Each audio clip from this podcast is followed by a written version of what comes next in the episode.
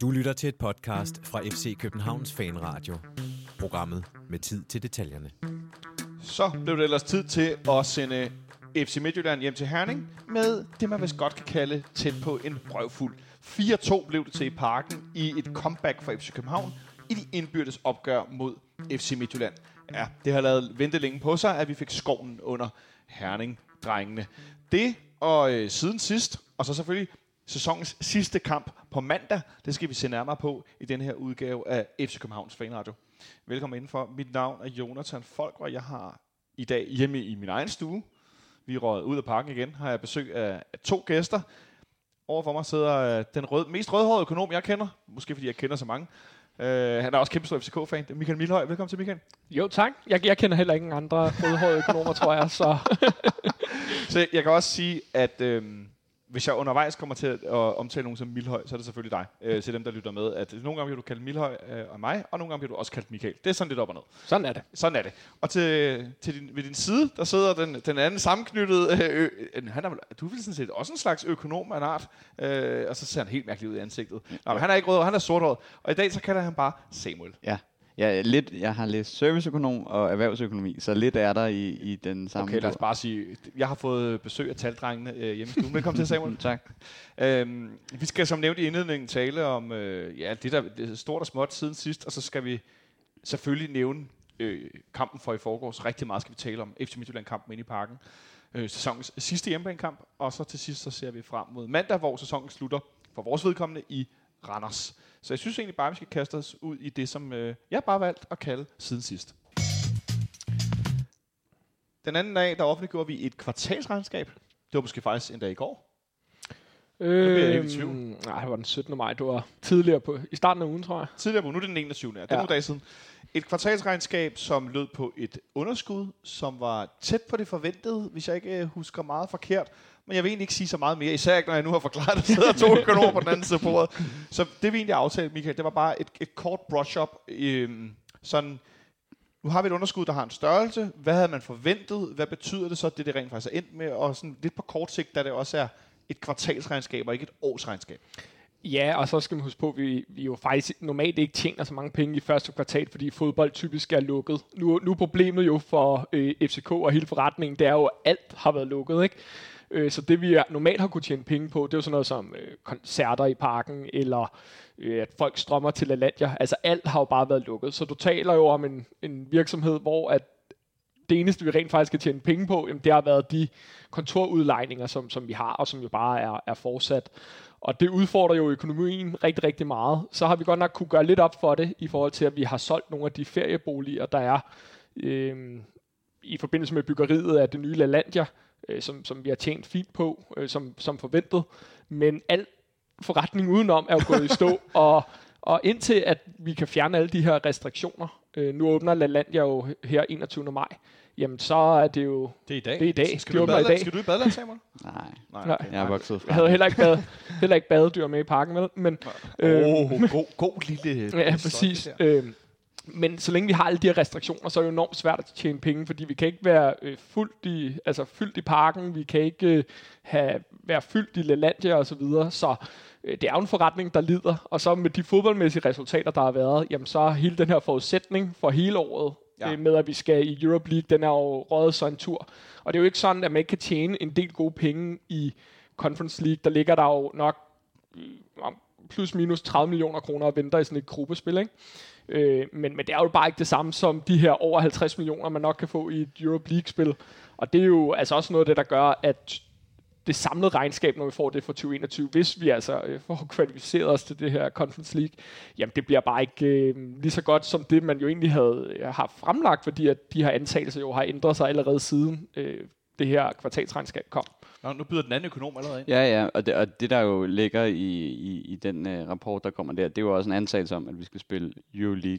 Øh, Altså Europa League. Europa League ja. øh, efter sommerferien, som er budgetteret med det. Så man kan sige, at øh, efter på mandag kunne der godt komme en ny øh, meddelelse ned omkring, at man, øh, man forventer, ud fra hvad de så regner nu, så er det jo måske faktisk at øh, en minus 20 millioner til en plus 20 millioner, afhængig af øh, Lige præcis. hvad det er. Så, det, så, det, så, så der kommer nok allerede en, en revurdering af det, ud fra hvad, hvad de forventer. Ikke? Ja, prøv, prøv, lige, prøv lige at skære det lidt mere ud i pap. Altså lige nu er forventningen, at at vi skal tjene mellem 0 og 75 millioner i år. Der, der er lidt større usikkerhed, end man normalt vil have på grund af alle de her restriktioner. Ikke? Ja. Øh, men det er klart, at når man antager, at vi kommer i, i Europe League, øh, hvor der er flere penge at hente end i Conference League, og vi, matematisk kan vi jo godt nå det nu, ikke? men det er jo reelt set øh, helt umuligt, så når det ligesom står klart, så tror jeg også, at pakken kommer med en, en, en meddelelse til aktionærerne om, eller markedet om, at nu øh, har man altså nedjusteret sine forventninger t- øh, for i år, øh, og det er jo så, at vi reelt set også kan ende 2021 med et, øh, et underskud, eller måske kun et lille positivt øh, resultat. Og så ser det jo selvfølgelig endnu dårligere ud, hvis det er, at vi rent sportsligt ikke kan leve op til det. Øhm, og det, det betyder jo også noget i forhold til, du ved, den mere langsigtede øh, forretning, at vi i gåsøjne kun kommer i Conference League. Jeg synes, det er fint, man har lavet den der turnering. Men det er også noget med salgspotentiale for de spillere, vi, vi har, ikke? Øhm, og det, og det er jo noget af det, der skader forretninger. Det, er jo, det er jo, skader det også i den forstand, at man måske så ikke kan investere lige så mange penge i, i truppen, som man ellers gerne vil. Ikke? Øh, Ja. Og det er jo også noget af det, der bliver interessant at se det her sommer-transfervindue, der kommer nu. Ja, og det der er ligesom er, er, er den primære ting, det er jo nemlig med øh, værdi, man tillægger øh, de aktiver, man har. Og man kan sige, og Aktiver aktiver er er jo, spillere? det er jo fodboldspillere, fordi det er jo det. Og der kan man sige, der nedskriver man jo nogensinde, nogle gange øh, værdien af de kontraktrettigheder, man har på spillerne. Altså hvad man, hvad man budgetterer, de er værd. Eller man kan jo sige, hvad, hvad den kontrakt er værd.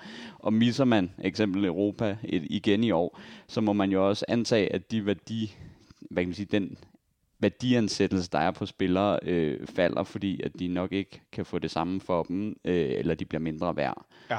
Øhm, og, øh, og så er der jo selvfølgelig også en, en uvidshed i, hvordan parken selv har budgetteret 2021 for dem med coronarestriktioner, fordi det hele er jo, øh, som du siger, det er jo et meget stort spænd fra, fra 0 til 75 millioner. Ja, det skal jeg love for. Øh, Og det er jo nemlig det der med, hvad har de tænkt ind i, øh, nu kan man tage en, en ting som eksempel, der er forventet en koncert med Minds of 99 i efteråret, ved jeg, Slut september, ja. slut september, og det er jo, øh, det er jo eksempel en, en, et event, som skaber et meget, meget stort, øh, nu siger jeg cashflow, øh, indtil, altså penge lige i boksen, fordi det er Parken Sport Entertainment, der ligesom holder det, og det er dem, der, øh, der står for det primære drift. Stor indtjening, andre Ja, stor indtjening. Og det er jo sådan noget med, har de, har de forventet det, og hvad så, hvis det ikke bliver til noget? Øh, hvor stor indflydelse har det så? Fordi der, der snakker vi jo parken, der er blevet næsten fyldt. Ikke? Øh, og hvad har det med, at der kommer færre tilskuere til EM?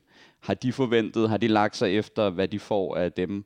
Så der er så mange uvidsheder omkring, hvordan det er, og eksempel med LaLandia, om, altså, bliver det en god, en dårlig sommer? Bliver folk hjemme? Ikke? At det kan have stor indflydelse på det Ja, også. og, og hvor mange må være der. For det, man Ja. skal huske på med vores forretning, det er, at LaLandia er jo ligesom den robuste indtægtskilde, der altid er der, og hvor fodbolden kan være mere volatil i forhold til, at hvis vi mister i øh, misser europæisk deltagelse. Der ligger LaLandia bare en konstant indtjening. Eller det var det i hvert fald indtil corona ramte. Ikke?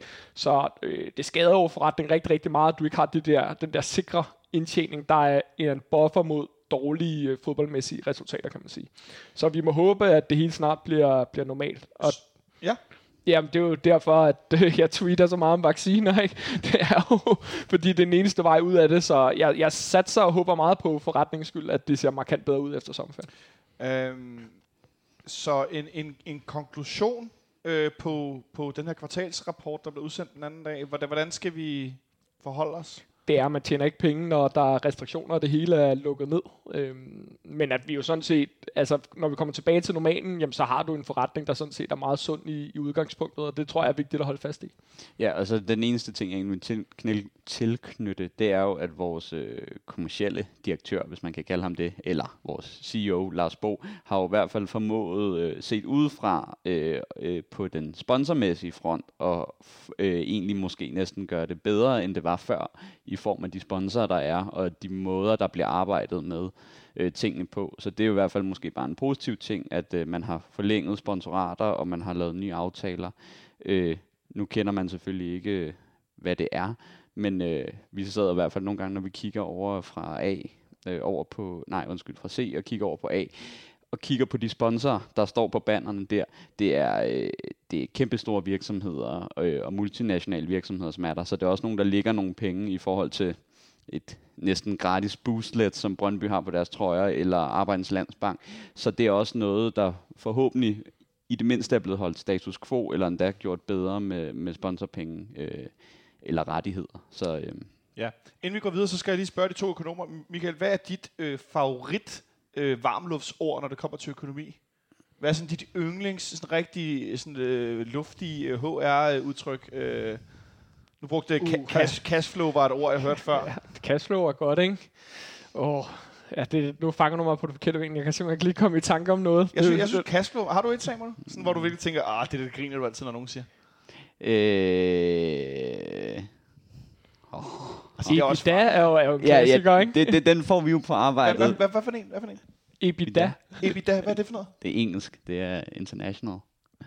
Hvad er det?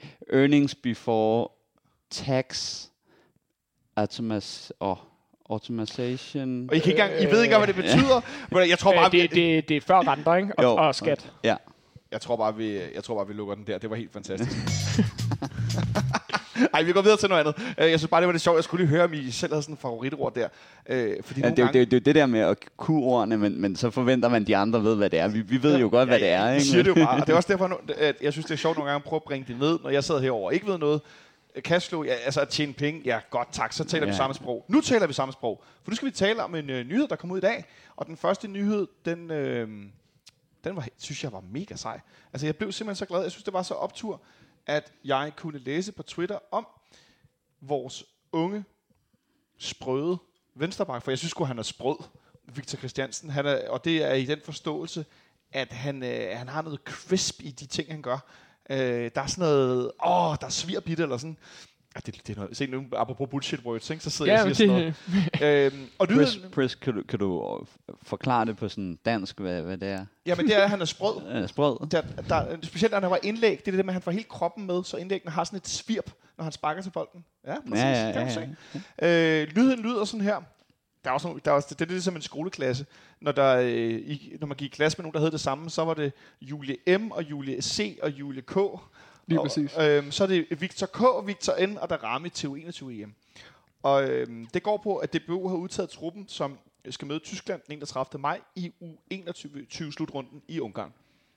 Og øh, der er Mohamed Darami og 21-landsholdets anfører, Victor Nielsen, ikke overraskende, de er udtaget, men Victor Christiansen er også udtaget. Jeg ved ikke, om han nogensinde har spillet på 21-landsholdet. Aldrig. Aldrig. Tak. Jeg regner med, at Samuel vil komme her med facts lige fra højre. Øh, han, nej, der står så... Okay, jeg kan også bare læse videre. Mm. Han har spillet fire, Nej, det skal du ikke sige. han har spillet være. 4, 7 og 5 kampe for U16, U17 og U18. Han har aldrig spillet på højere niveau end U18-landsholdet.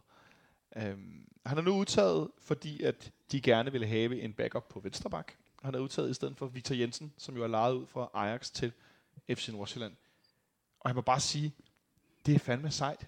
Han er 18 år gammel, nu er han udtaget til det her landshold, hvor du kan være op til ja, 22 i virkeligheden, tæt på 23, der er noget med noget fødselsdato, hvornår du var med og så videre. Ja, hvornår, hvornår man må være, hvis man spiller kvalifikationen, så må man være med til, til det EM eller VM, Ja. der er. Og hvis den så er blevet udskudt, så har de så stadig fået lov. Ikke? Altså, Så du kan være ret gammel i virkeligheden, være ret gammel. Altså, jeg tror, at Victor Nielsen er vel snart 23. Ja, det, det, det kan godt være. Ja.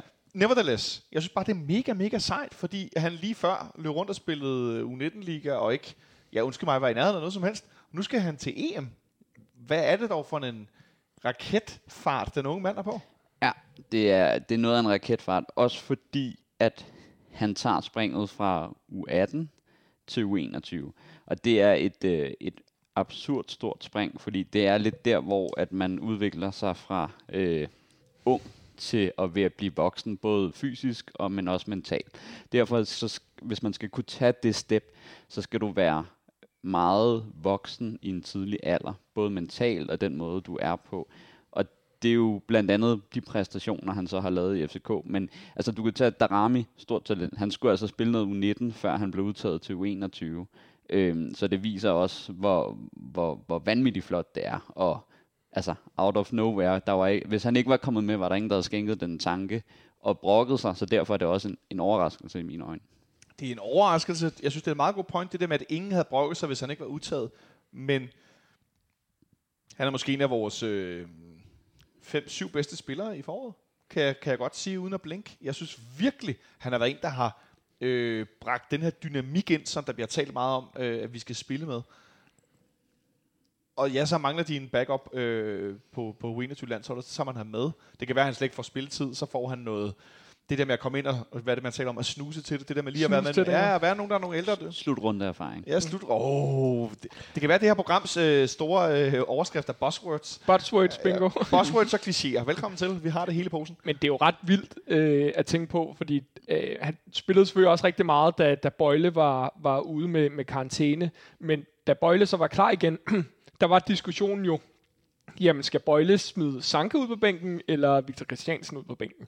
Det er altså ret vildt. Øh, som man må sige, det er jo en ung spiller, der har grebet chancen. Øh, Ja. Og det, det er jo simpelthen dejligt at se, at der er nogle af vores unge, der, der simpelthen kan, kan tage det skridt, fordi nogle af de rigtig gode FCK-hold, der har været her de, de seneste 10 år, de er jo sådan set bygget på altså, nogle spillere, der har været i lang tid, også nogle, der har været med i, i ungdomsrækkerne. Ikke? Ja. Øh, og, det- og det tror jeg kan betyde ret meget for sådan en et, et op, opbygning af, af et hold, ikke? at der også er et eller andet, altså nogle lokale drenge, der, der har et andet forhold til, til klubben. Øh, så det, det bliver rigtig spændende at se, hvor langt han kan, kan bære det. Ja, og, og, og det der jo ligesom også bare er med, det er jo bare, at øh, for en så ung spiller, så er succesoplevelser øh, alfa og omega, og komme med der, det giver altså noget, øh, noget helt andet. Det er lidt det der med, øh, der er ligesom to ting, folk øh, snakker om, og sådan have prøvet at spille, som er sådan nogle ting, der gør dem bedre, og det er sådan noget EM, VM, det kan godt være, det er U21, og så er det europæiske kampe, fordi det er noget andet. Du er i udlandet, du er isoleret, du kommer et sted, hvor du ikke spiller i det samme land, alle kan sproget, øh, du kan brokke dig til dommeren på dansk, og øh, det hele er ligesom trygt og hjemligt, du ved, hvad du får, og øh, du ved, altså, Du har spist noget, du kender. ja ja, ikke? Du, kan, du kan drikke vand fra hanen, øh, ja, alt, ja, ja. alt er ligesom herhjemme, ikke? men når du så spiller et eller andet sted, øh, hvor der bare er helt andre omgivelser, og andre måder at blive taget af sig, og du skal indgå i en, i en professionel sammenhæng, som ikke bare er til og fra kamp, men også relationer indbyrdes og øh, være professionel 24-7, så, øh, så giver det noget. Og det er jo, øh, altså, udover tre spillere, der er udtaget, så er det jo også Mads Roerslev, Carlo Holte, Narte og Julemand, som også er med der, som er tidligere sp- ungdomsspillere, og frasorteret i stedet for ham var Victor Jensen, som var med sidste gang. Ikke? Ja. Så det er, øh, det viser lidt, hvor, hvor skarpe vi har været på, på de overgange her. Der er nogle rigtig stærke overgange. Øh, jeg synes, det er fedt, og jeg glæder mig til at se ham i, i aktion måske. Men i hvert fald ikke om ikke andet, så se øh, Darami, som vi helt sikkert kommer til at tale om senere. Øh, vi har også lige en, en anden lille ting for øh, ungdomsafdelingen. Det er ikke en lille ting, fordi at alle nyhederne i dag, stort set, de har handlet om, øh, om ungdoms, ungdomsspillere. Der var lige i Trip, yeah. Trap, Træsko øh, en video, en video og en video, at vi i første omgang forlængede kontrakten med William Bøving. Så forlængede vi kontrakten med ham, jeg har hørt i dag, folk ude i klubben kalde for Havkon, og ikke Håkon. Det må være den islandske afart af Håkon. Øh, vi kalder ham Haraldsson, så er jeg på safe ground. øh, den, den unge lyshårede øh, fyr. Øh, og så var der øh, et meget fin øh, opsummerende interview med PC, som blev, og øh, Sune Schmidt for øvrigt, øh, som blev spurgt, øh, hvordan og hvorledes øh, de her ting, hvad de ligesom betød, og hvad det vil sige, og og signe de her spillere på nogle, på, lad os kalde det voksenkontrakter, og ligesom sige, Ja. okay, vi tror på jer, og vi forlænger, og nu skal der ske nogle ting, og I vil være færdige med at gå i skole, og jeg kan anbefale at se interviewet med, med Haraldsson, den unge islænding, som har boet her i to år, og det er sjovt at høre hans øh, sådan teenage-danske bliver puttet ind i en, åh oh nej, nu er der kamera og et eller andet, han er sgu meget, meget sød. Øh, og jeg kom sådan til at tænke bagefter, det skulle meget cool, at han lige tager den på dansk, og ikke beder om at blive interviewet på engelsk. Det synes jeg skulle være fedt. Øh, hvad siger du til, Milhøj, som, som fan, at vi altså meget, meget tydeligt, en ting er, at man taler om det fra den sportslige ledelses side, men noget andet, man faktisk sætter så meget øh, handling bag ordene og skriver de her længere kontrakter med de meget unge spillere. Jamen, jeg, jeg synes, det er rigtig, rigtig positivt. Altså, jeg synes faktisk, et problem under Ståle Solbank var jo, at man ikke brugte talenterne nok i virkeligheden. Og Ja. man skulle huske på, at da Jes Torup øh, tiltrådte, så var noget af det, han sagde, det var jo, at han også gerne ville bringe nogle af talenterne i spil.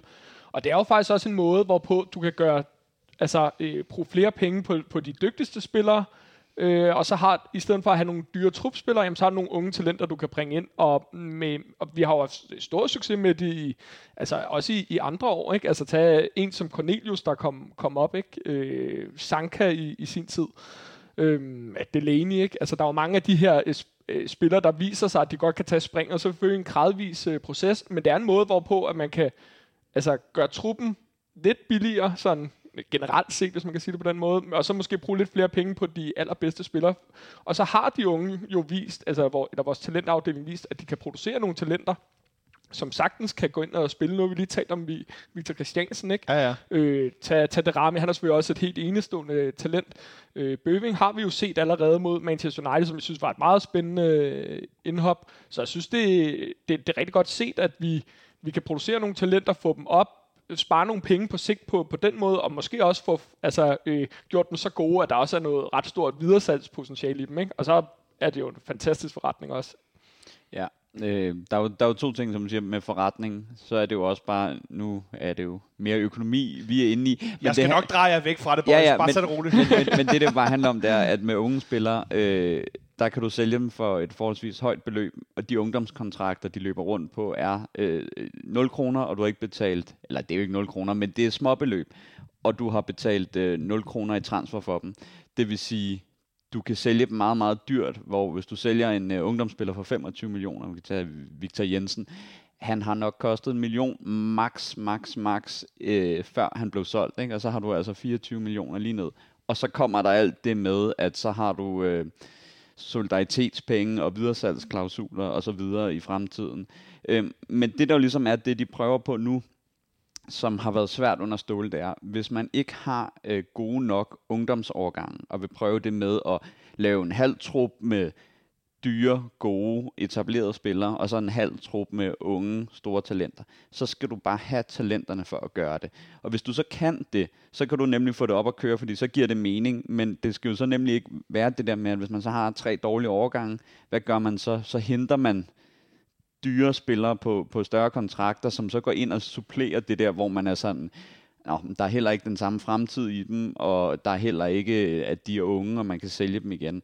Og det er jo eksempel noget, som Ajax, en klassisk klub, eller øh, Nordsjælland, som også har begyndt at gøre det med, at de ved, at de har så gode ungdomsårgange, at hvis de supplerer dem med du ved, nogle Premier League-spillere, eller så hælder man Klaas-Jan Hundelar, eller så videre ned, så skal de nok tage dem sammen med de store spillere, der kommer ud. Og det jo kunne være fedt, hvis FCK's ungdomsafdeling, som har været dårligere tidligere, og ikke været blandt de bedste i, i hvert fald Norden, kunne komme op på det niveau, sådan så man kontinuerligt kan have tre trup øh, bænkspillere, som man kan sætte ind, uden at det sænker niveauet i forhold til så at hente dyre spillere udefra. Og det er jo der, de er ved at nå til nu, at vi faktisk kan se, at når vi sætter spillere, ungdomsspillere ind, så er det ikke fordi, at øh, man tænker, wow, det er, det er de er oppe i en helt anden liga, ikke? Ej, det er ret interessant, at vi øh, ser det lige nu. Jeg, jeg, jeg tænker så nogle gange med de her talentårgange, altså kan jeg ikke lade med at, at tænke sådan, jo jo, men, men så kommer der øh, tre, fem spillere op nu, men hvad så næste år? Så er der jo ikke plads. Eller sådan lidt, altså, så det er også nogle gange, det kan også have lidt backfire, når vi ikke er, er en større talentmaskine, end vi er, fordi så skal der jo nogen ud den anden vej. Vi kan ikke kun blive ved med at pumpe ind, fordi så skal de jo, altså du kan jo ikke have 40, vi kan jo ikke have Midtjylland, vi skal ikke have 32 spillere i førsteårstruppen, vel? Nej, nej. Altså, der er også sådan en, så jeg synes, det er interessant, den her balance i, at de unge netop også skal kunne lære af nogle af de ældre, der er. Det skal også være nogen, der kan lære fra sig. Det hjælper ikke, det er sådan nogle individuelle spillere, der ikke kan lære til nogle unge. Så det, er- det er sådan også en, hvad er det for nogle ældre spillere, som du, som du kaster eller vælger, ikke? Jo, jo, jo, jo, og så er det jo nemlig det der med, det er jo meget tydeligt at se, eksempel for nogle af de tidligere spillere, vi har solgt af ungdomsspillerne, at de er kommet til så store klubber, hvor at de så er blevet et dårligere talent. Øh, Mads Bistrup og Victor Jensen er to gode eksempler. Bistrup, der spiller i øh, Brentford nu, og Victor Jensen, som er lejet ud, og han er jo allerede oppe i den der 20-21 års alderen, og så er man for gammel til Ajax for at blive et, et stort talent der. Og de er jo ligesom kommet i den situation, at de er gode fodboldspillere, men de er ikke gode nok i Leipzig og Ajax, og så bliver de jo ligesom fordelt ud på de der andre klubber og, Ja. ja. og, og, og i det lad der. Øh, så det er jo øh, så det er jo en balancegang og, og, om at ikke at have for mange, men heller ikke for få. Hvem af de øh, talenter, der kommer op her nu, øh, har du øh, størst... Øh, skal, vi- det er ikke for at lægge sådan pres på, men hvem af dem tænker du sådan, okay, ham der er den, jeg er mest spændt på? Øh, jamen, øh, Haraldsson øh, har der været store forhåbninger til, og er kommet ind som, øh, hvad kan man sige, også en spiller, som har præsteret godt på ungdomsholdene, selvom at han er ny i et land, og det tror jeg, man skal tage lidt i mente. Øhm, han er samme årgang som Bøving. Bøving har jo været her længe, og føles næsten som om, at han, når ja, ja. han har været op og spille nogle kampe, at han er etableret. Øh, og ellers vil jeg jo nok så sige, at så er det anføreren, jeg tror også, han kommer op øh, på 19, Valdemar Lund, som også blev udtaget. Øh, han er central forsvarsspiller, øh, som også blev udtaget til u 20-landsholdet i mm. dag, sammen med øh, vores gode ven Mikkel Kaufmann. Øhm, jeg tror også, han kommer op, øhm, og øh, ham har jeg også store forventninger til. Og ellers så ligger det værste ved det hele, eller det værste, det bedste ved det hele, er jo faktisk, at de aller, aller bedste spillere er faktisk dem, som er første års U17-spillere, som spiller på 19-holdet med Oi og Rooney, som er, altså, der snakker vi... Øh, og, og 10 talenter i, i det niveau, og her der snakker vi altså bare om fodboldspillere, som kan slå igennem i FCK. Så det er, det er, der er gode ting i vente. Det, der sker, er, Miller, han har fået, han har fået sådan en hæsmæk herovre på ved siden af, han sidder og savler ved glæde over det her. De ting, Simon så siger på talenterne. Øh, nej, men det, det, på alle mulige måder, så, så taler det jo om, øh, om noget balance i klubben, vi er ved at skabe i forhold til, øh, vi havde så mange backs, så vi på et tidspunkt nærmest skulle spille kort med dem. Øh, at vi, vi læner os ind i en mere, hvad skal vi sige, sund øh, et mere sundt flow af spillere i vores trup? Ja, altså jeg synes jo, et af vores problemer har jo været, at vi har fået en rigtig skæv trup, øh, og det er jo en måde at løse det på, og også få nogle masse spillere, som, hvor klubben rent faktisk betyder en hel masse, og det tror jeg også giver øh, en sundere harmoni og også bedre øh, performance ud på, på banen. Endnu et buzzword.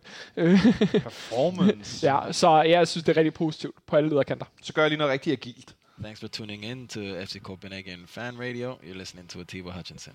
Og hvis I synes, at vi får meget med buzzwords, så må I godt skrive det bagefter. Vi ved godt allerede Atiba, nu. Atiba, han er da egentlig en meget sådan polyvariant fodboldspiller. Nej, Morten Lodsen er kommet ind i uh, lokalet her. Nå, vi skal til kampen, vi spiller mod FC Midtjylland den anden dag. Øhm, den sidste kamp i parken i sæsonen. Øh, cirka 10.800 tilskuere, øh, alle sammen sæsonkortholdere, spredt ud over parken. Øhm, vi diskuterede en del i, i optakten, hvad vi dog ville gøre, når nu Jens Dage nok ikke var med. Om det blev der ramme den letbenede version, eller hvad, hvad, hvad vi ville gå med. Øh, og så blev det Kamil Vilcek i stedet for, og så den her skæve angrebsstue, vi har set nogle gange med, med eller angrebstrio med, med Falk, øh, Vind, og så øh, Vilcek, der søger meget ind i midten. Og der er meget stor forskel på, når vi spiller med de spillere, om vi angriber, eller om vi forsvarer, alt efter hvor de ligesom placerer sig henne. Øh, men... Øh, jeg blev egentlig ikke så overrasket, fordi jeg synes, vi har hørt nogle gange det der med, da Rami han skal være indskifter, så kan han komme ind og lave maksaktioner mod spillere, der er trætte. Det har vi set en del gange her i foråret, hvor han med stor succes, øh, også tidligere i, i foråret mod Vejle, hvor jeg stod op og sagt, nu skal du ind og afgøre kampen. Og så gik han ind og afgør kampen.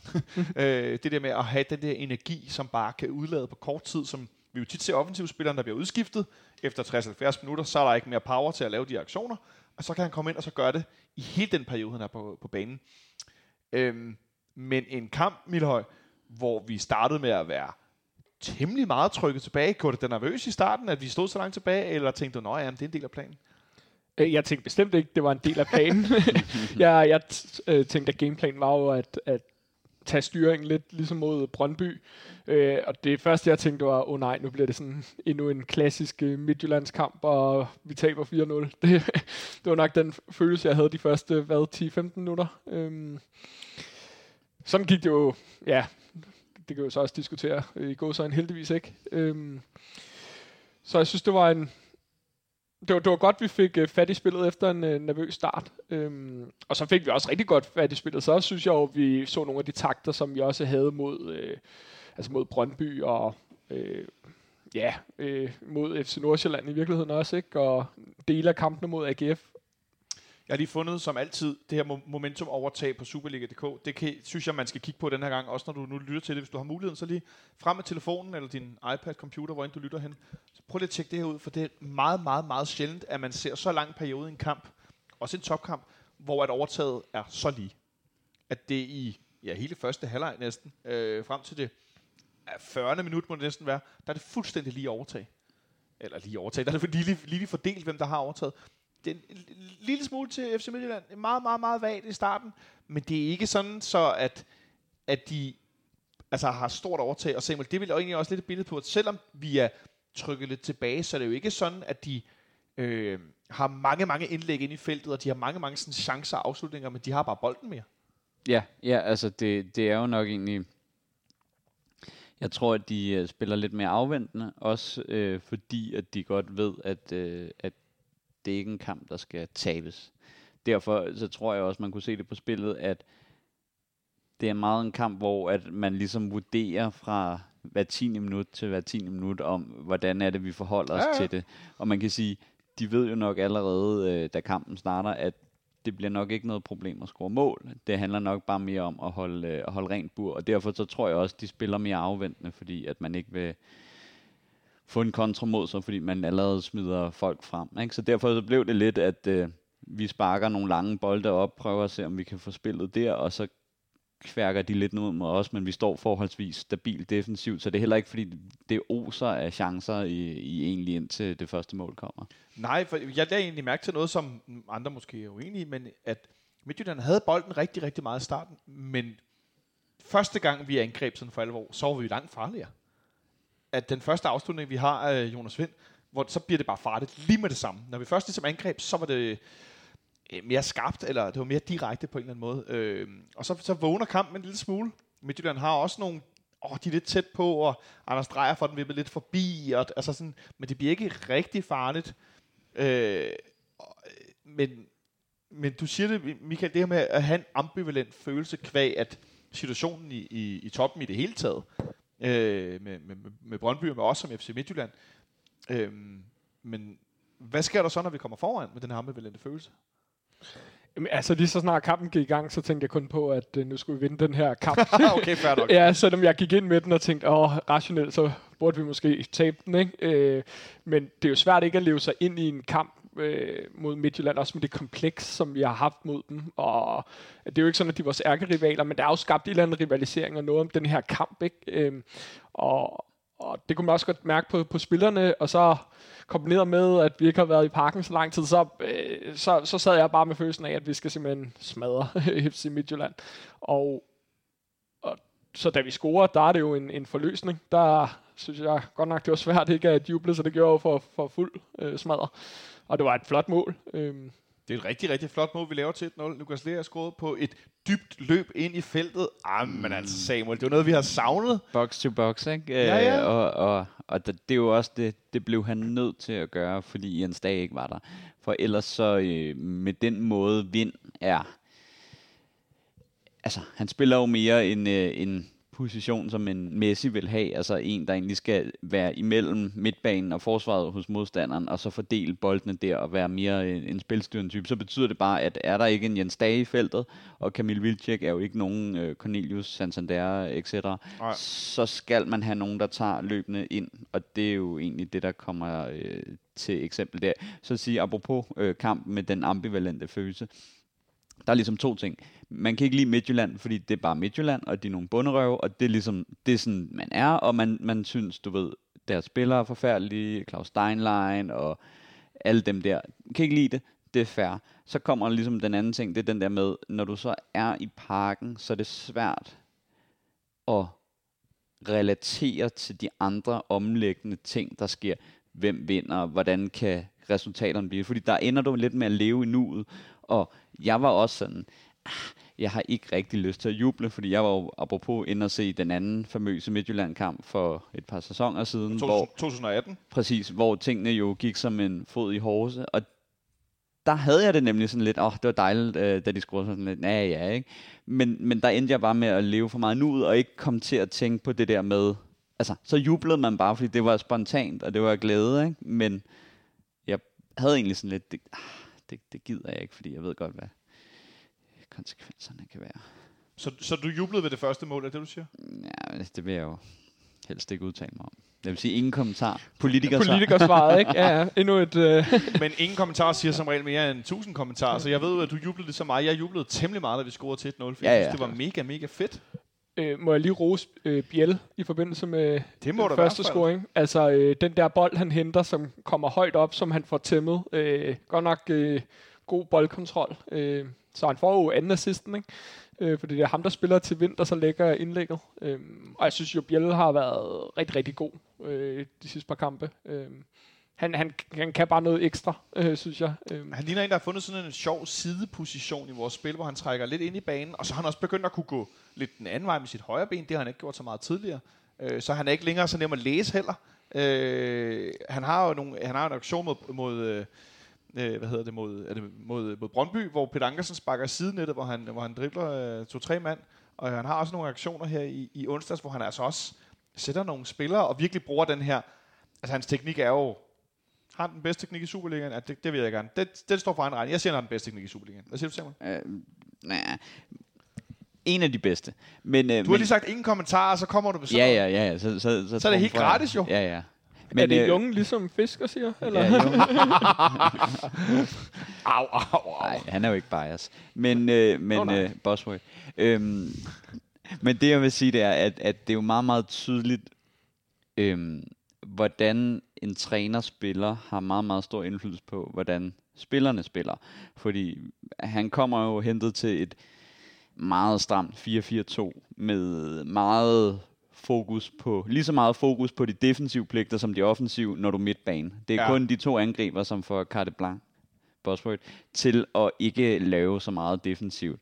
Men man kan jo se, at når han får den rolle her, hvor det faktisk ikke betyder så meget, om han ligger til højre eller til venstre, og om han søger dybt, eller om han bliver inde centralt, det er jo også den måde, som Jes Torup praktiserer fodbold på, at det er lidt mere total fodbold frem for øh, den meget strenge defensive struktur, og det kan man så også se både på, at vi er den mest grundhold, men vi er også det hold, der lukker mest, øh, flest mål ind. Så det er jo lidt det, at så er det lidt lettere at være en kreativ spiller her, når hvis der går et mål ind, så laver vi bare to. Fordi ja. så tiltaler det mere de offensive spillere til at være kreative og bruge deres teknik der, hvor de er bedst, frem for at gardere sig mod noget. Så det er jo klart, at nu når han er kommet ind og får spilletid, så kan man også godt se, hvorfor at han har fortjent det. Ja, det synes jeg er en god point netop, at han, han, han, han træner formodentlig rigtig godt. Det er jo ofte derfor, man får lov at starte ind, men han øh, viser det så sandt også i kampene. Øh, en, som jo har spillet rigtig godt i, i lang tid, Michael, det er Victor Nielsen, som er den ene. Det, der har været lidt vores første valg i forsvaret, vel i virkeligheden. Mm. Det var ham, der har spillet sammen med Bøjlesen. Det var ham, der har spillet sammen med Sanka. Det har ikke været så meget de andre. Det er ham, der ligesom har været den gennemgående figur, og så har Bøjlesen og Victor Christiansen skiftet, og så der, altså, der har været det frem og tilbage. Men ved det her øh, 1-1-mål, som FC Midtjylland laver for øvrigt et, et ret godt mål, synes jeg, øh, der får han buset noget frem på, på Evander. Bliver snydt af en aflevering hen over hovedet. Øh, så er der plads, og så øh, får ham, øh, den lange store der, øh, Sorry Kabar, så får han vippet bolden ind over Sten Gødebust. Øh, og så står den bare i det. det. Det synes jeg faktisk er et ret godt mål. Øh, Sindssygt mål. jamen altså, det er et virkelig godt mål, ikke? Sindssygt mål. Øh, altså, Evander kan jo noget af det, som, øh, som, som Falk har lidt svært med også. Det er nemlig, at han får mere slutprodukt på de ting, han render og laver. Assist og mål, ikke? assist og mål. Ja. Altså, de har nok, øh, altså, jeg tror, at vi er der, at øh, Evander har spillet halvt så få kampe som Falk i FCK, men har nogenlunde scoret det samme antal mål og assist som Falk. Og det er simpelthen fordi, at han, han er er vanvittigt god til at få slutprodukt. Og det her, det er jo sådan noget, i, i sådan noget, som vi har set Vind lave. Det er de få med den aller, allerbedste teknik i Superligaen, der gør det med at vippe en bold over. Men vi snakker et spænd på 5-6 meter, der er til, at man så kommer for langt, og keeperen tager den. Så den skal have den rette højde, så den ryger over, men stadigvæk nok fart på, til at de ikke kan nå tilbage, og den skal stadigvæk ligge, så keeperen ikke kan komme ud. Så det er øh, vanvittigt godt mål. Har, har du noget at tilføje? Nu fik Samuel lige uh, liret helt over det der. Nej, vi blev, vi, vi blev bare udspillet, ikke? Øhm, så da mere er der vel ikke at sige. Nej, der er ikke så meget mere at sige til det, øh, andet end så var det sådan lidt, åh, nu skal han juble igen, den bot øh. Men det var egentlig meget interessant, fordi så jublede han rigtig meget, og øh, hvad- Eva Mobil skulle kaste en usynlig bold op i luften, som han så skulle sådan, øh, smashe til med et usynligt bat ud mod B-tribunen, og folk var helt op og støde over det. Øh, og det tændte sådan en ild, der øh, til, altså, øh, I talte begge om den her ambivalente følelse, og hvad sker der, når kampen starter, hvad sker der ikke? Og der var der lidt gang i folk, øh, vi kom foran 1-0, men det var som om, det der, det tændte fandme ild i folk. Det der øh, evige, ej, hvad skal vi provokere Storborg og København for de der Midtjyllandsspillere, det gad folk sgu ikke se på.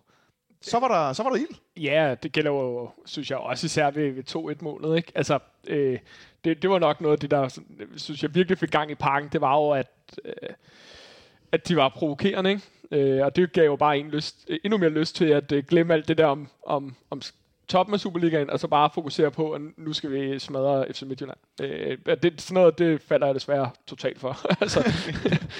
der må jeg indrømme, det, det er sgu også det falsk for. Det, det der meget åbenlyse øh, øh, adrenalin, der kan opstå i en kamp, Samuel, men meget, meget kort omkring den her situation. Carlos Sikker, han brugte lang tid på at diskutere med dommerne, og i pausen var han rasende over, der blev dømt straffespark.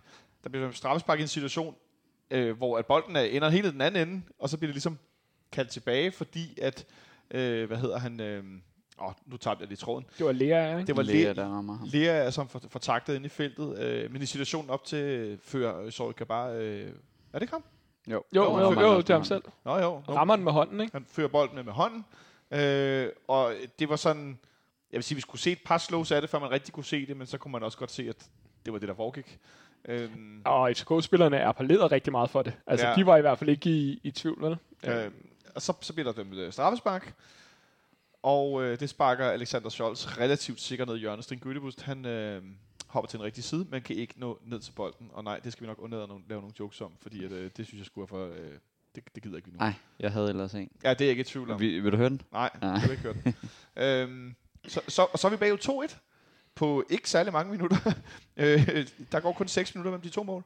Ja, og det, jeg tror nemlig, apropos den øh, måde, Midtjylland øh, ligger op til ballade, eller det, det siger de jo nok ikke, du gør, men, men man ved godt, at når du står og jubler og går tæt på, på nogen og laver et eller andet gestikulerer og sådan noget der, så ved du godt, at så beder du lidt om at få noget igen. Men det gør også bare, at så bliver man, altså, så ender man nemlig med at tænke, nu skal de der Midtjylland bare have en ned med nakken, ikke?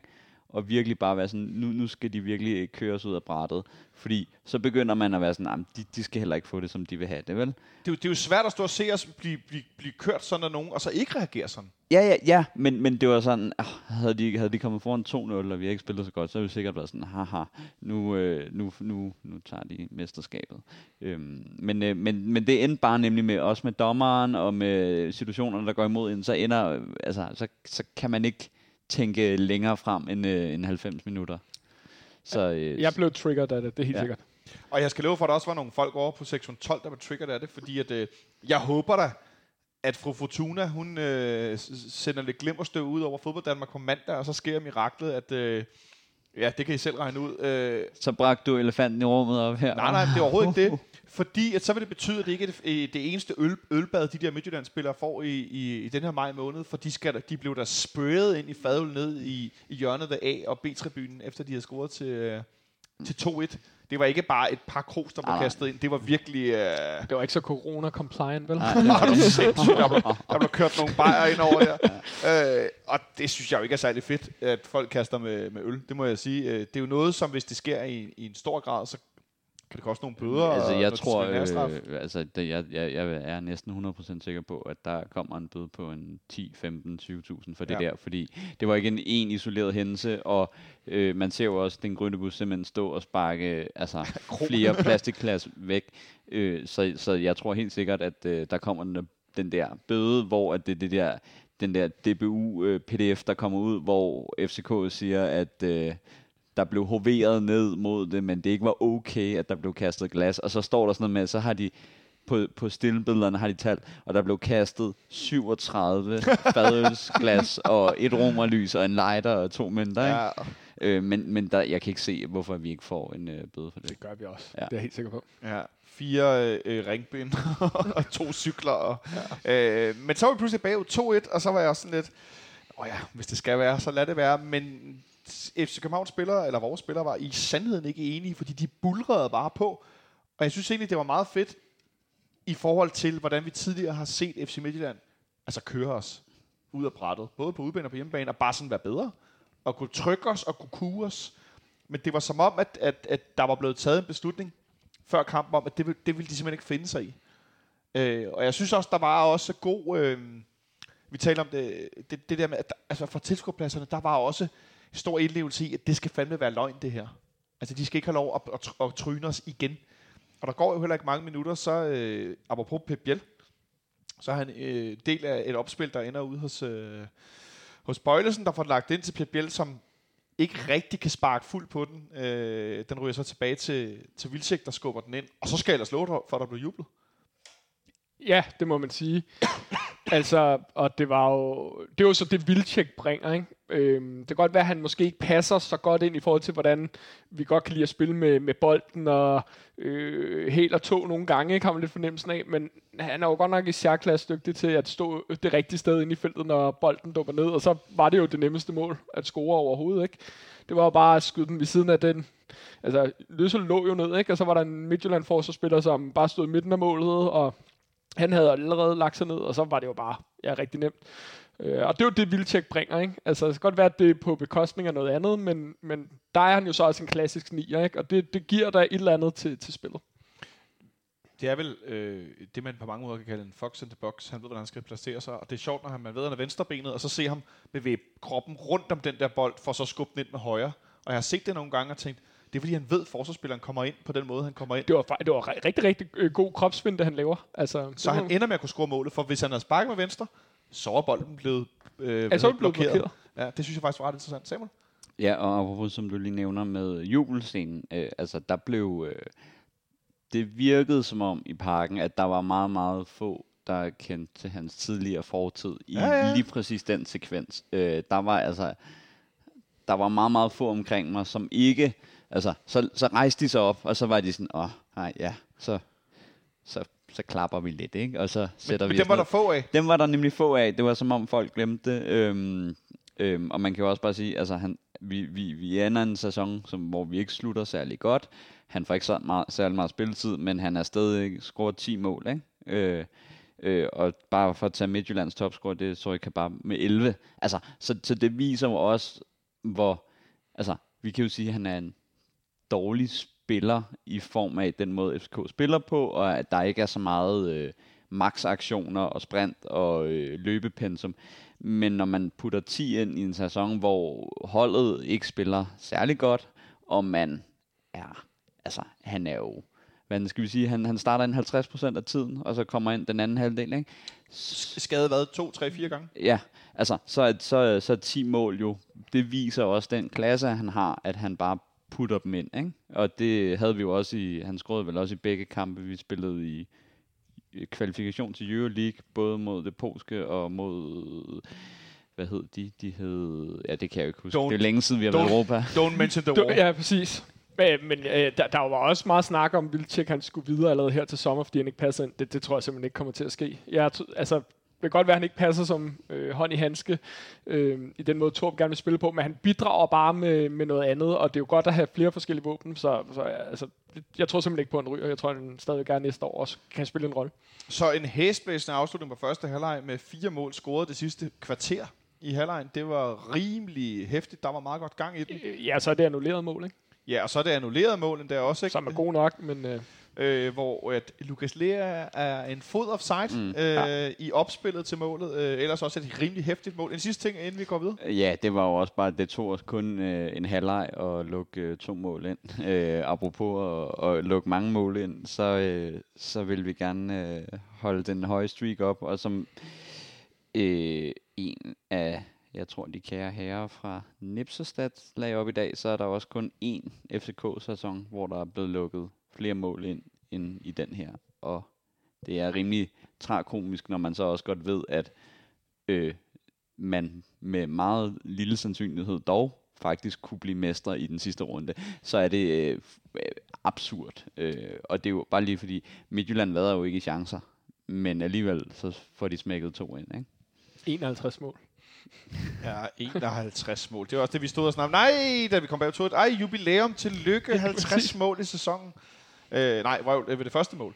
Ja, ved det første mål, ja. At, at det, er jo, øh, det er jo nærmest... Altså, det er sgu da nærmest... Det, det, det er helt sygt. Det er helt Ja. sygt i hovedet jo. Altså, Ja. Og det, er jo- det er jo også noget, der skal, skal ordnes, ikke? Altså, Oh, det skal ordnes. Altså, jeg, jeg tror, at alle FCK-fans skal nok vende sig til, at det der under Ståle, hvor vi vandt sådan nogle kampe 1-0, at de tider er nok forbi, fordi vi spiller fodbold, med, hvor vi tager meget mere risiko, end Ståle nogensinde var villig til. Men, men vi skal nok blive så gode, at vi da i hvert fald holder det til, til et mål. Øh, fordi det er bare svært at vinde fodboldkampe, hvis du, kommer, altså, hvis du skal score tre mål hver evig eneste kamp, for at øh, vinde dem. Ikke? Ja, og det, en sidste ting er jo også, at det er jo måske også en negativ ting for vores i hvert fald tre øh, danske forsvarsspillere, øh, Bøjle, Sanka og Peter Ankersen, at forsvaret har været så horribelt hele sæsonen, fordi det er også det, som der bliver kigget på for en landstræner, når man skal udtage et EM på tirsdag. Det, det stinker ikke af landsholdsudtalelse. Nej, det gør det virkelig ikke, og Bøjle kan måske komme med, fordi at han kan spille flere pladser, men det, er jo- det er jo ikke fordi, det er jo ikke på baggrund af, hvordan forsvaret i FCK har været, så øh, Og vi mangler venstre baks, ikke? Ja. Sådan, Ja, ja, øh, og, han, og han er venstrebenet, altså ja, helt simpelt. ja, ja, men, men, men det er jo det ikke, men alligevel så er der en grund til, at man tænker, hvorfor er han ikke sikker? Jo, det er han jo nok ikke, fordi at forsvaret har sejlet med og uden ham, ikke? Altså, Ja. Der er, der er i hvert fald lavet kano hele året. Vi sejler ned ad åen i det der forsvar. Det, der, der er jeg Primært nedad. Ja, primært ned, og der bliver bare lukket ind i stridstrømme. Men det, du er ikke, Samuel, det, du er ikke den første, jeg hører sige det der, også i pausen, at folk sagde til mig, nu har vi jo lukket to mål ind. Hvad vil Midtjylland nu gøre? Altså, nu har vi givet det der væk, vi giver. Og det er jo så ikke mangler vi bare et rødt kort. Ja, Det men, jo og, og det er jo ikke fordi, det er så ofte, at vi så lukker mange flere mål ind. Øh, men, men de der to mål har været sådan ret steady i mange kampe, så, så, så hvad, hvad fanden vil I nu gøre? Nu har vi jo gjort det. Ja, øh, og du kan sige til vores held, så var Midtjyllands forsvar godt nok skuffende. Altså, det plejer jo at være deres, synes jeg, øh, noget af deres bedre på holdet, ikke?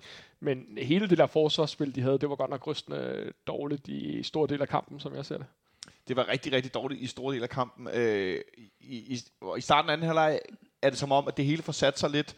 Øh, vi har ikke så meget rum at angribe i, som vi havde i hvert fald ikke i slutningen af første halvleg. Øh, og vi får også placeret os lidt bedre på banen, når Midtjylland har bolden. Øh, vi skifter øh, Vilcek ud efter 57 minutter, da Rami kommer ind i, i, i stedet for Vilcek. Han slår sig lidt i en situation, får mm. noget behandling. Jeg tror egentlig ikke, han blev skadet. Jeg tror mere, det var sådan en... Ja, okay, så du skal alligevel kun spille 60-65 minutter, så tager vi dig ud nu. Øh, Midtjylland skifter øh, med bil ud med Kajuste, også øh, stort set øh, 10 minutter efter. Øh, Bøjlesen holder også kun 70 minutter, bliver skiftet ud med, med Victor Christiansen. Han, øh, jeg tænker også, det er fint nok, når nu hans fysik en del gange ikke har været til at spille en helt øh, vensterbak. Øh, du markerer, Simon? Ja, øh, vi spekulerede også i, at, øh, at hvis man blev udtaget til et EM, så øh, tror eller det er jo bare... Øh, Dem, du står som I snakkede om det. Ja. ja.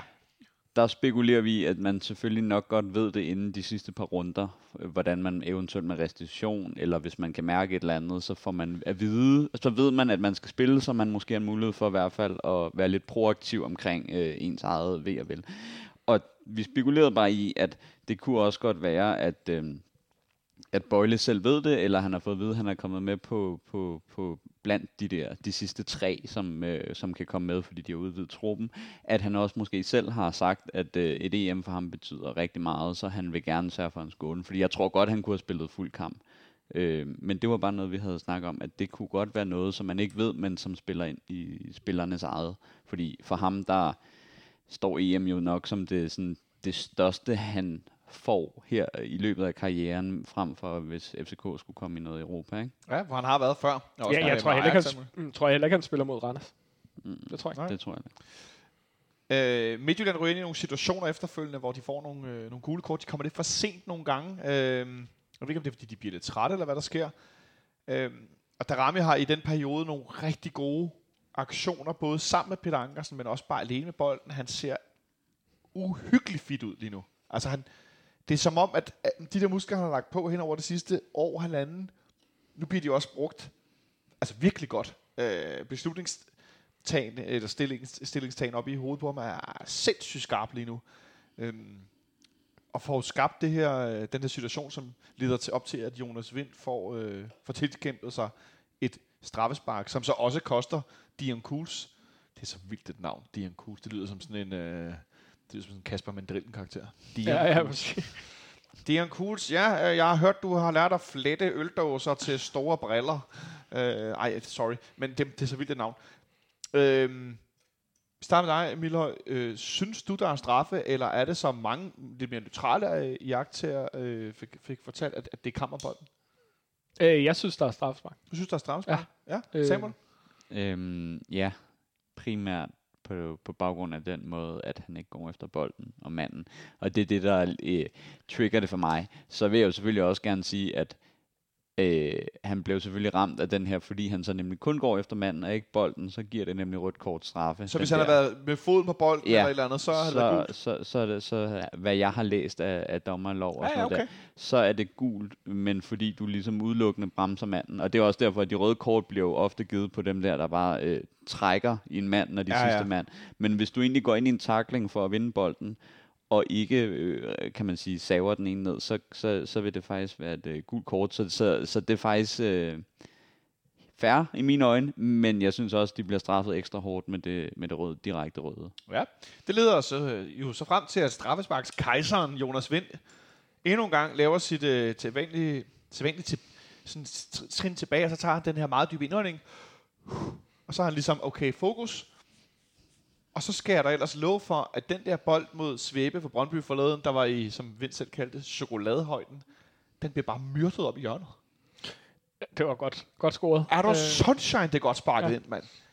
Øh, Og hvor- slået Robert Skov nu, ikke? I forhold til... jo, det antallet. havde han allerede. Havde han det? Nå. Ja, jeg læste mig til, at Dansk Fodbold øh, havde øh, .com var vist kommet til at tælle Robert Skovs ikke straffesparkscoring med op i, over i Esbjerg, hvor vi taber 4-3, Ah. øh, hvor den rammer øh, målmanden i ryggen. Ryggen, ja, den går ind. Ja, okay. Øhm, Ja, fordi Men- den var på vej ud, og så tæller den som Så tæller den Ja, så er det selvmål, selvmål, ja. Men ikke desto mindre.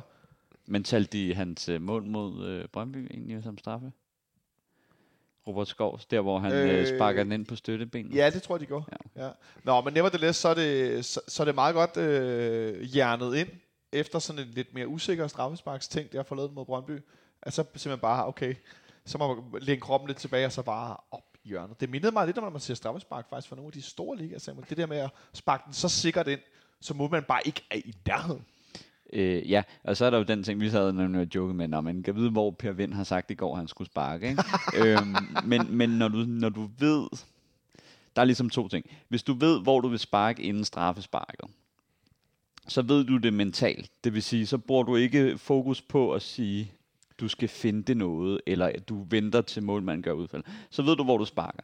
Så er det meget lettere, ifølge mig selv, at sparke et godt straffespark, ligesom hvis man siger, her står målet, du skal prøve at ramme op i trekanten, uden keeper, så er det lettere at skrue og ramme det sted, man vil frem for, hvis der står en målmand, fordi så bliver du psyket af alle mulige andre ting. Når han så ved det, så er der jo ligesom de to ting, og det er der, hvor han er rigtig god til at sparke straffespark, det er og ikke vise for tydeligt, hvor han sparker henne. Fordi hvis keeperen stadig står lige inden han skal sparker til bolden, og ikke præcis ved, hvor Jonas Vind sparker. Han ved jo, øh, så sparker han halvdelen af gangen til højre til venstre, men Jonas Vind sparker både midten til højre og til venstre, og det er egentlig rimeligt ligeligt fordelt. Så betyder det, at hvis Jonas Vind, som er en meget god strafsparkskytte, ikke viser, hvor han sparker, selvom han ved, hvor han sparker. Og det er jo det, der er det svære. Det er nemlig at sige, jeg ved allerede, at jeg sparker til venstre, men jeg skal gå til bolden, som om jeg kunne sparke alle tre steder. Ja. Og så først lave dreje foden, når du sparker.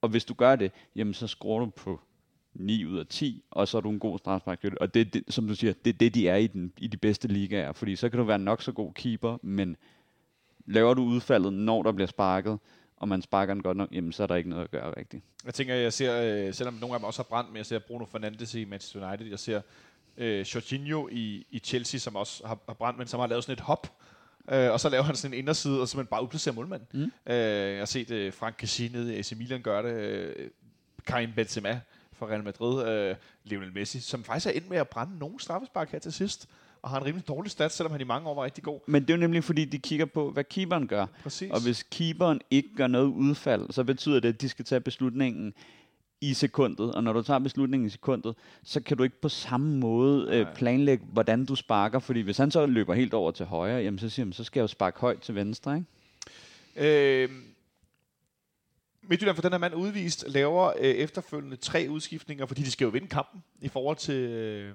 toppen af Superligaen. De skifter Anders Dreyer ud med Elton. Gustav Isaksen kommer ind i stedet for Frank Unica. Øh, og så går Michael Andersen, øh, Michael Andersen kommer ind i stedet for Evander. Det reagerer vi så på ved at tage Ankersen øh, ud. Han bliver skadet, det er ikke så godt. Han slog sin ankel. Øh, Bartolets altså kommer ind, og så tager vi Pep Biel ud øh, i stedet for Victor Fischer cirka 10 minutter før tid der, altså det er ikke fordi, vi presser så voldsomt på til sidst i forhold til sådan afslutninger og så videre. Det er en lille smule henholdende. Det er ikke fordi, vi står meget langt tilbage på banen, men øh, vi har nogle, om, nogle omstillinger og nogle chancer. Vi har bolden rigtig meget. Øh, især i den her periode efter øh, scoringen til, til 3-2. Øh, men en af de ting, jeg noterede ned, vi skulle tale om, det var for det første de her gode indskiftninger. Victor Christiansen kommer ind og gør det rigtig godt. Jeg synes også, Victor Fischer kommer ind og faktisk gør det ret fint, både offensiv og defensiv, i forhold til, hvor der, vi har set om nogle gange som indskifter være sådan lidt, ja, øh, ikke til stede. Men Mohamed Arami øh, og det her sidste mål. Jeg ved ikke, hvem jer, der har mest optur over det, men ellers så har jeg optur over det. Øh, det har Michael. Fordi Fischer får ham spillet dybden, det er ikke så god aflevering. Men så afdribler han bare Ilton. Ja, øh, og han har jo faktisk en episode inden da, hvis jeg må starte der. Oh, oh. Altså- Meget bedre. Ja, ja. Altså, hvis han havde scoret det, øh, på det, så har det været blandt øh, årets mål. Altså sæsonsmål, det tror jeg. Altså, Og så øh, havde det været årets mål. Ja, altså, øh, jeg kan ikke lige... Så mange kampe ser jeg så heller ikke med de andre. øh, at nej, jeg lige men- kan huske, men, men det havde været fuldstændig vanvittigt. Og egentlig er det jo synd, at han ender med at træffe en lidt dårlig beslutning til aller, aller sidst, for der skulle han nok have sparket, i stedet for at drible videre. Det tror jeg havde været, altså, havde været bedre. Men den dribletur, han laver der, den er simpelthen så fænomenal. Øh, Øh, og han ligner jo en, altså nu talte du om før, han ligner jo en seniorspiller nu, ikke? Øh, ja. Ja. Som bare har noget speed og noget talent og nogle driblefærdigheder, hvor du ikke ved, om han går til højre eller venstre, eller går ned i gear op i fart. Øhm, og det var jo lidt det samme, han, han, han brugte øh, i forbindelse med sin scoring, ikke? Og nu, nu er jeg selv gammel keeper ude i øh, B103, og når der bliver scoret på en målmand, som har lagt sig ned på forhånd, eller sat sig på knæ, fordi han regner med, at den bliver, altså, det var så op til Lysses højre side, og han Venstre. bare... Øh, måler til Løsses venstre Ah, side, men han kaster sig til højre, ikke? Eller Ja, ja, det er i hvert fald det, han tror, så han sætter sig ned på knæ. Og, og det rammer jo nærmest, altså triller den gennem benene og ind i mål. Altså, så er man jo bare udplaceret som, som målmand, ikke? Øh, så det er så, det er så overlegent lavet gennem benene. Overlænt.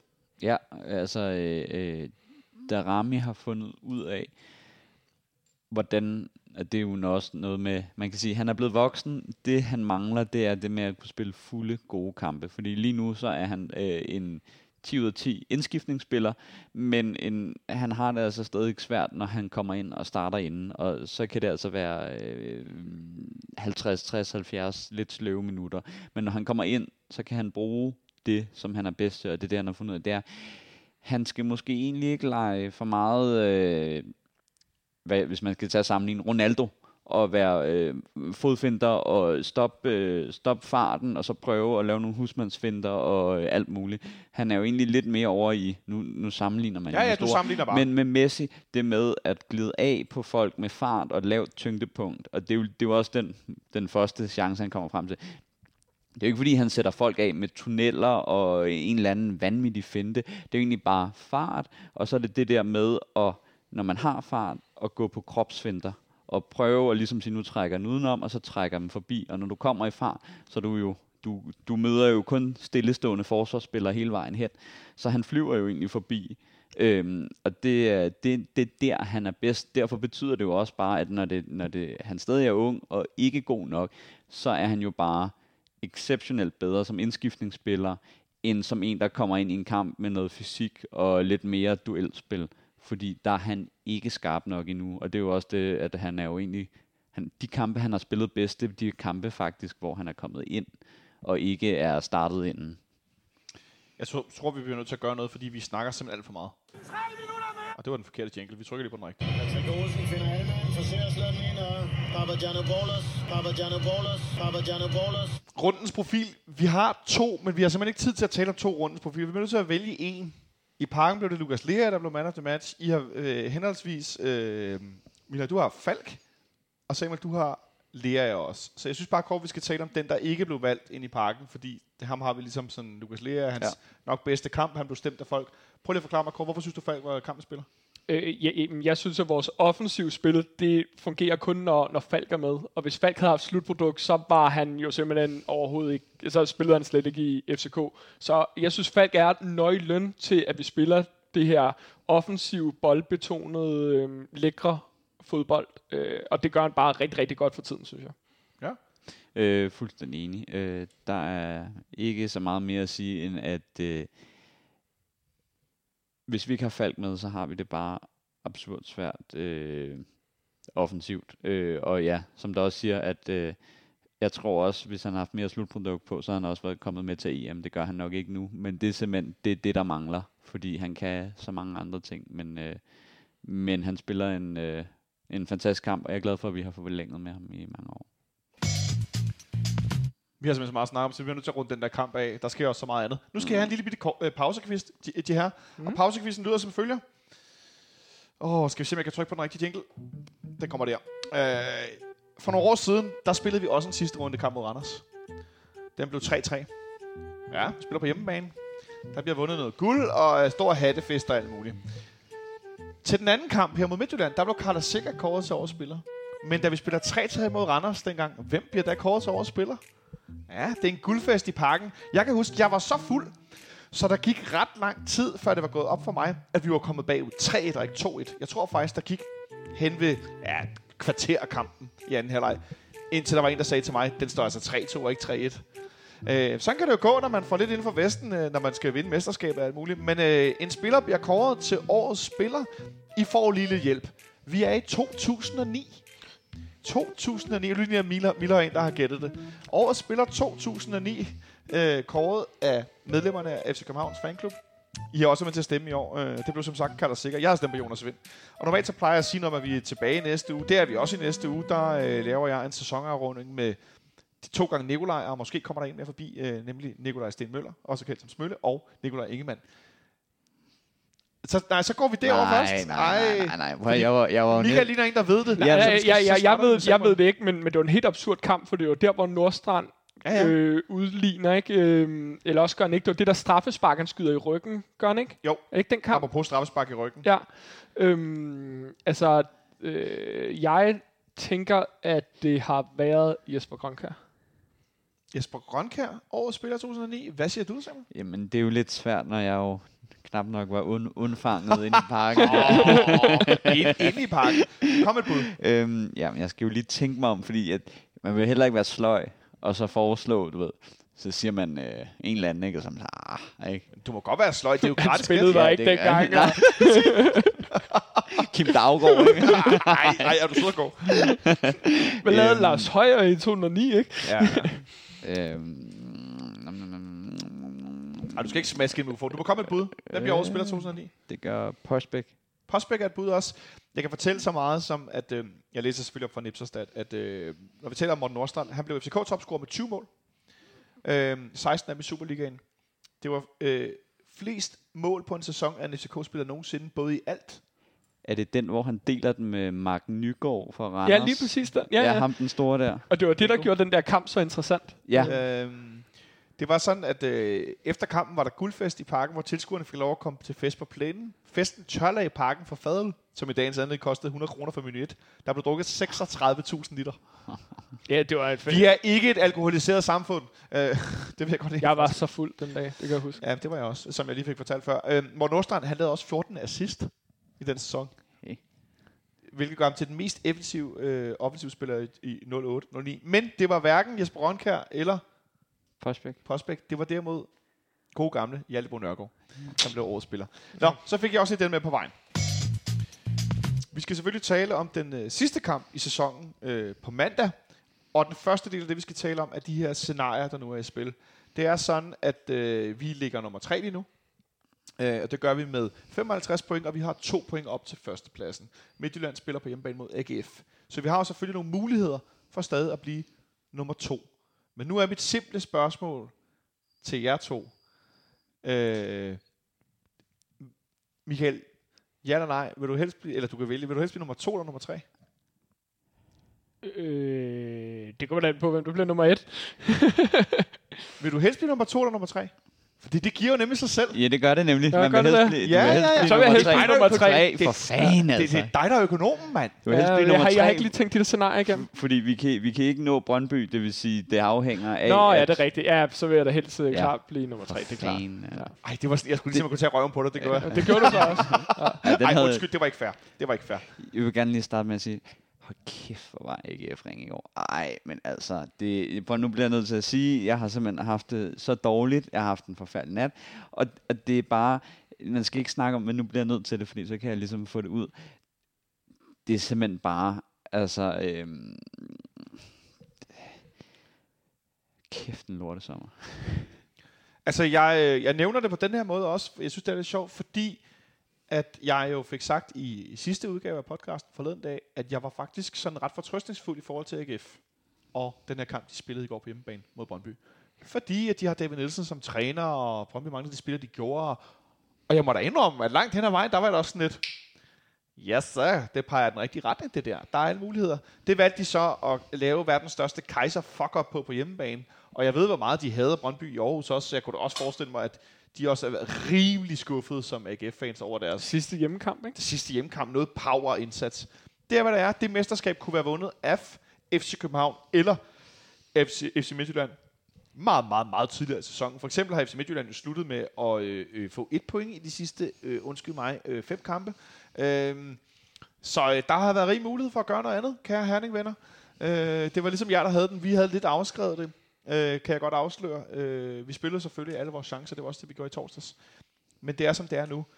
Vi kan som sagt stadig nå at blive nummer to. Vi taler om økonomien i starten af udsendelsen, men hvis det at blive nummer tre betyder, at noget andet er sket, så skal jeg med glæde se en masse Conference League. Og så har jeg det også sådan lidt... Tænk nu, hvis vi bliver ved med at være så, så gode, som vi er lige nu. Tænk, hvis vi er det første danske hold, der vinder en europæisk turnering. Skal vi lige have styr på defensiven. Ja, Nå, men jeg, men, jamen, jeg mener, ja, Ja. ja. Men vi tager, vi tager nye turneringer til os, ikke? Øh, så tager vi tredjepladsen, og det, det er virkelig... Ja, ja, ja. ja, ja, ja, ja.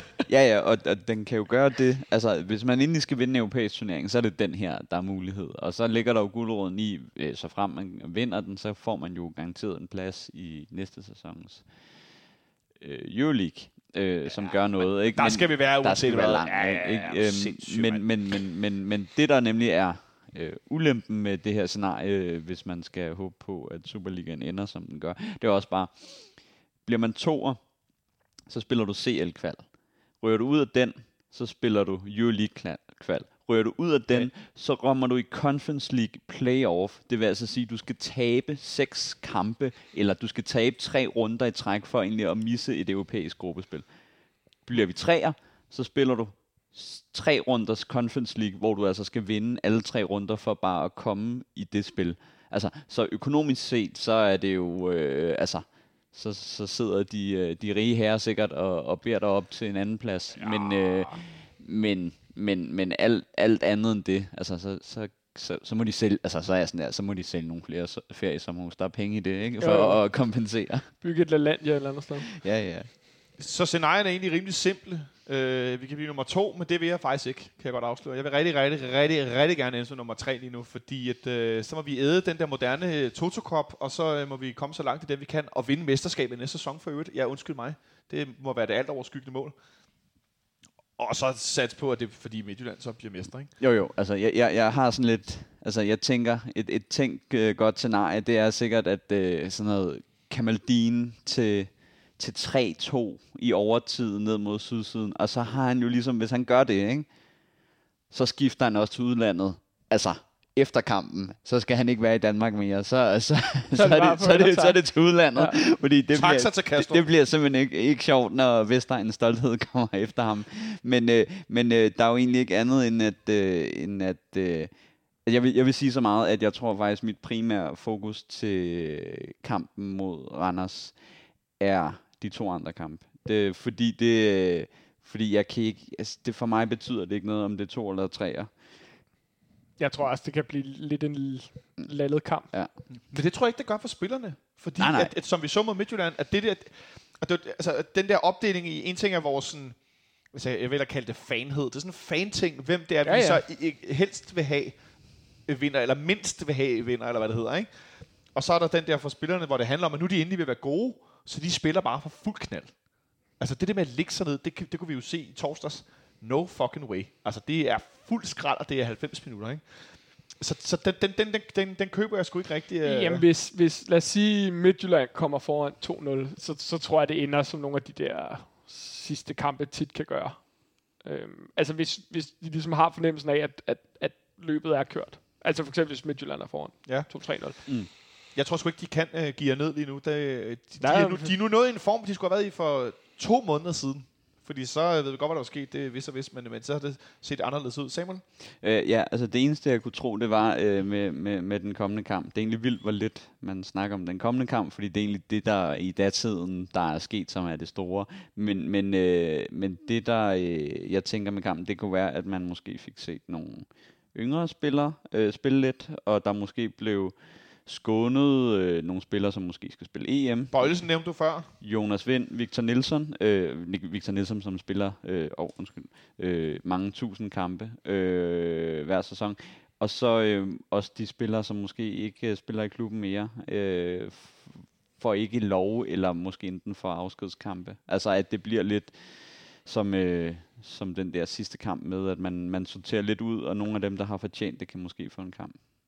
Er det afgjort nok, hvad der sker i Superligaen til, så du tror, vi kommer til at se det fra start? Peter Ankersen går ud med en skade, men kunne jo godt ikke starte inden, så få dage efter, så starter Bartolec. Hans agent meldte ud efter kampen mod Midtjylland, at Bartolec skal videre. Det vidste vi jo godt. Men altså, det kommer til at ske formodentlig. Hvem tror du ellers? Jamen, jeg tror Victor Christiansen, jeg tror Mo. Øh, jeg kunne godt se, at øh, Højlund fik, øh, fik noget spilletid. Øh, altså, så kan man sige, så er der jo så ikke så mange øh, tilbage af de, af de yngre spillere. Øh, men, og så tror jeg godt, at man så eksempelvis, hvis øh, Nikolaj Thomsen eller Marius måske ikke skal videre, så kunne de komme ind og få øh, de sidste minutter. Øh, tror jeg. Men det kan jo selvfølgelig også være, at det er samme hold som her. Ja, fordi vi har jo set en meget ens, øh, ens lydende, eller det er simpelthen den samme startopstilling på nær meget, meget få spillere, i de sidste øh, to kampe, vi har spillet. Hvis vi skal prøve at fokusere lidt på, øh, altså, Samuel får nævnt nogle af de her unge spillere, lad os sige, øh, nogle af dem starter ind og så videre. Hvem, hvem, hvem, tror du, du kommer til at holde øje med i vores kamp? Øh, eller kommer du også til at kigge på de to andre kampe? Ja, jeg, jeg, min fokus bliver de to andre kampe, det tror jeg. Mm. Altså, jeg har tændt for FCK, men det eneste, jeg laver, det er live score. Det, er sådan Du kommer ikke til at køre noget second screen? Nej, det tror jeg ikke, jeg ville kunne holde ud. Ja, det gør jeg, det gør jeg. Og så, og så hedder det bare, at er, kommer, er der et bestemt hold, der kommer foran, så tror jeg måske, at jeg skal ud og løbe en tur, eller være, være lidt udenfor, eller, Gør rent eller på noget. badeværelset? Ikke? Ja, ja. Det er jo internetstikket, ikke? Ja, ja. Og tv Af, afmelde tv-pakken. altså, øh, Ja, Dag, jeg vil gerne uh, lukke min tv nu. Ja. øh, skal i hvert fald mute rigtig mange buzzwords på Twitter Ja, dagen ja. efter også, ikke? har mange Facebook-tråde, ikke? Ja. Øhm, altså, jeg, jeg tror ikke, jeg k- for at være ærlig kan koncentrere mig om det der FCK Randers. Nej. Altså, det Nej. kan jeg slet ikke. Altså også hvis man, når vi nu siger, at vi er til, tilfredse med tredjepladsen, for at undgå det, det Ja, ja. så kan ens fokus jo bare ikke være specielt meget på Randerskampen. Det kan det ikke. Nej, og, og bare, altså, den saltvandsindsprøjtning, de kommer til at få, hvis de øh, vinder det mesterskab. Øh, apropos øh, økonomi og sådan noget der, Brøndby Aktien steg jo 25 procent her i morges. Så den steg fra 17 øre til... steg for 75 øre til op, op til en krone, efter alle de øh, Jan Bæk øh, udvandelser. Men, men, men, men det er jo bare sådan der, altså, der kommer jo øh, med, med, med sikkert alle de Samuel, din mikrofon slukker nu. Jeg kan faktisk ikke... Samuel, din mikrofon, du, du falder ud. Du kører i tunnel, Samuel. Jeg kan ikke høre, hvad du siger. Uh, jeg var Det bare... der, det er elefanten i rummet, ikke? Oh, men vi behøver ikke være i det. Det kan vi gøre, hvis det desværre sker, øh, når vi på tirsdag til at tale om det. Uh, det, det er godt, der kommer EM. Ja. Ja. Så fokus skal flytte sig. Ja. Eller, eller når Michael Ure scorer til 2-1 mod Belgien, ikke? Too soon. Øh, jeg har svært ved at se uh, Michael Ure blive udtaget til landsholdet. Famous last words. uh, jeg vil meget hellere have, at I uh, fortæller mig, hvad den der kamp over i Randersen bliver, selvom jeres fokus er et helt andet sted. Ej, du får lov at tænke for... Samuel, du sagde uh, 4-3 inden derby. Mm. Ja, det var skævt. Ja, Ja. det er jo ikke min skyld, at spillerne ikke øh, lever op til det, jeg forventer. Uh, 3-3. 3-3 går du med nu. Altså, øh, bare lige sådan, nej, så den ender sikkert 0-0, men når jeg siger det, så, så bliver det sikkert det modsatte. Men øh, vi har to hold, der ikke har øh, noget at sådan, render sig ikke noget at spille for. Og det vil sige, at øh, de har ikke noget at tænke på mentalt, og ikke noget med, det er bare ud at spille en sidste kamp. Og det tror jeg er det samme med FCK, så derfor tror jeg, vi skal i hvert fald nok lukke nogle mål ind. Ja. Så 3-3. Hvad siger du, Michael? Øhm, Jeg tænkte også, at det bliver sådan noget 3-2, 3-3, Øh, og så kan det være til hvilket som helst hold. Jeg tror, jeg tror det ender på grund af de andre resultater. Okay, okay, okay, okay. okay. Lad os sige 3-2 til FCK. Ja, 3-2. Fuck det. Vi spoler tilbage. Samuel, hvad ender FC Midtjylland AGF på mandag? Øh, 4-0 til Midtjylland. 4-0 til Midtjylland. Det der AGF-hold, de er stået helt af Ja, ja, de tænker kun på én ting, og det er den der øh, europa kamp de spiller. om fredagen. Ja, og en ordentlig nedklapsning her. Øh, de tænker kun på den. Og Patrick Mortensen er jo heller ikke med, apropos en, der bare kan score mål der. Jeg vil lige indskyde, inden jeg spørger dig om det samme, Michael. Øh, det er sådan, at i nedrykningsspillet, der ligger øh, hvad hedder det, Sønderjyske og OB og slås om den her plads. Sønderjyske har et point mere end OB, mener jeg, det er. Øh, og de mødes simpelthen i Haderslev i den sidste runde. I en direkte duel om, hvem der skal møde øh, AGF i den her playoff. Og hvis jeg endelig skal sige noget, så synes jeg da, det er sgu da meget fedt, at det faktisk bliver sådan lidt spændende, hvem der er, der skal møde dem øh, i den her playoff-kamp, som jo er afgørende. Sønderjyske har 44, og OB har 43 point. Så den kan gå, øh, den kan gå alle veje. Hvad ender den der Midtjylland AGF-kamp? 2-3-0 til Midtjylland. Jeg tror det samme. Altså AGF kommer bare til at spare spillere, fordi at den her Europa-kamp, øh, den ligger onsdag, ikke? Fredag. Nå. Ligger den ikke fredag? Er det ikke en midtugekamp?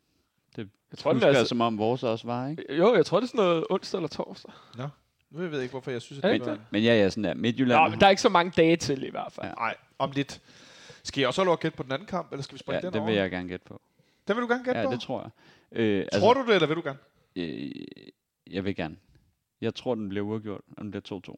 Og Kamaldin scorer det sidste mål. Så blev Michael helt hvid i hovedet. Jeg har Jamen, bare, det, det, det der er et drømmescenarie. jeg har bare den her, og det er simpelthen, det er jo, det er jo Nordsjælland har et godt hold, men det eneste, der er dem, der er ude for Brøndbys hold, de to primære, Lindstrøm og Frandrup. Frandrup, det de har i de to, det er lidt det, der kan counter noget, noget det, øh, Nordsjælland har. Altså noget ung med stort løbepensum og noget fart og noget ung agerighed. og jeg kan, jeg, altså, Ja, ja, undskyld, jeg griner, at, at Michael han er ved at knides jeg, pande i prøv nu at høre, prøv nu at. Det, er jo, det er jo ren håb om, at når, når jeg holder det sådan rationelt op i mit hoved, så er det, øh, Nordsjælland har et bedre hold end Brøndby, og når Brøndby har nogle af de spillere, som normalt kan kreere og score mange mål og være lidt øh, på de centrale pladser, ja, ja. så er jeg bare sådan her, jo jo, det kan godt være, at de har lagt sig ned de, de sidste par kampe, og de har spillet dårligt. Jo, jo, jo men, men, men bare fordi det er sket, så er det jo ikke ens tydende, at det gentager sig. Altså, du mener, når deres træner Flemming Pedersen selv siger åbenlyst, mm. altså, vi kan gå ind på alle hold i, slu- i mesterskabsspillet, men vi står rigtig dårligt til Brøndby.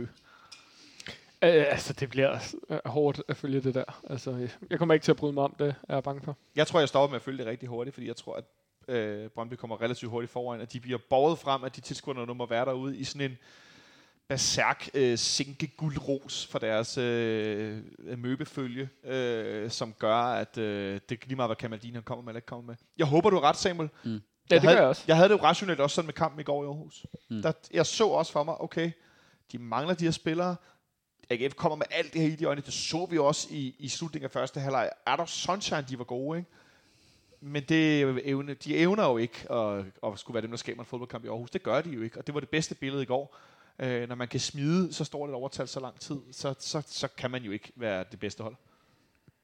Sidste ting, tænker jeg. Jeg tror, det, der definerer det bare meget hurtigt, det er, hvilke hold, der kommer foran eller bagud. Fordi med de spillere, Nordsjælland har i offensiven, så tror jeg bare, at hvis Brøndby kommer bagud, så skal de presse på en eller anden måde, og så tror jeg, at det bliver dårligt. Men kommer de foran, så, så kan det desværre godt ske det uangåelige.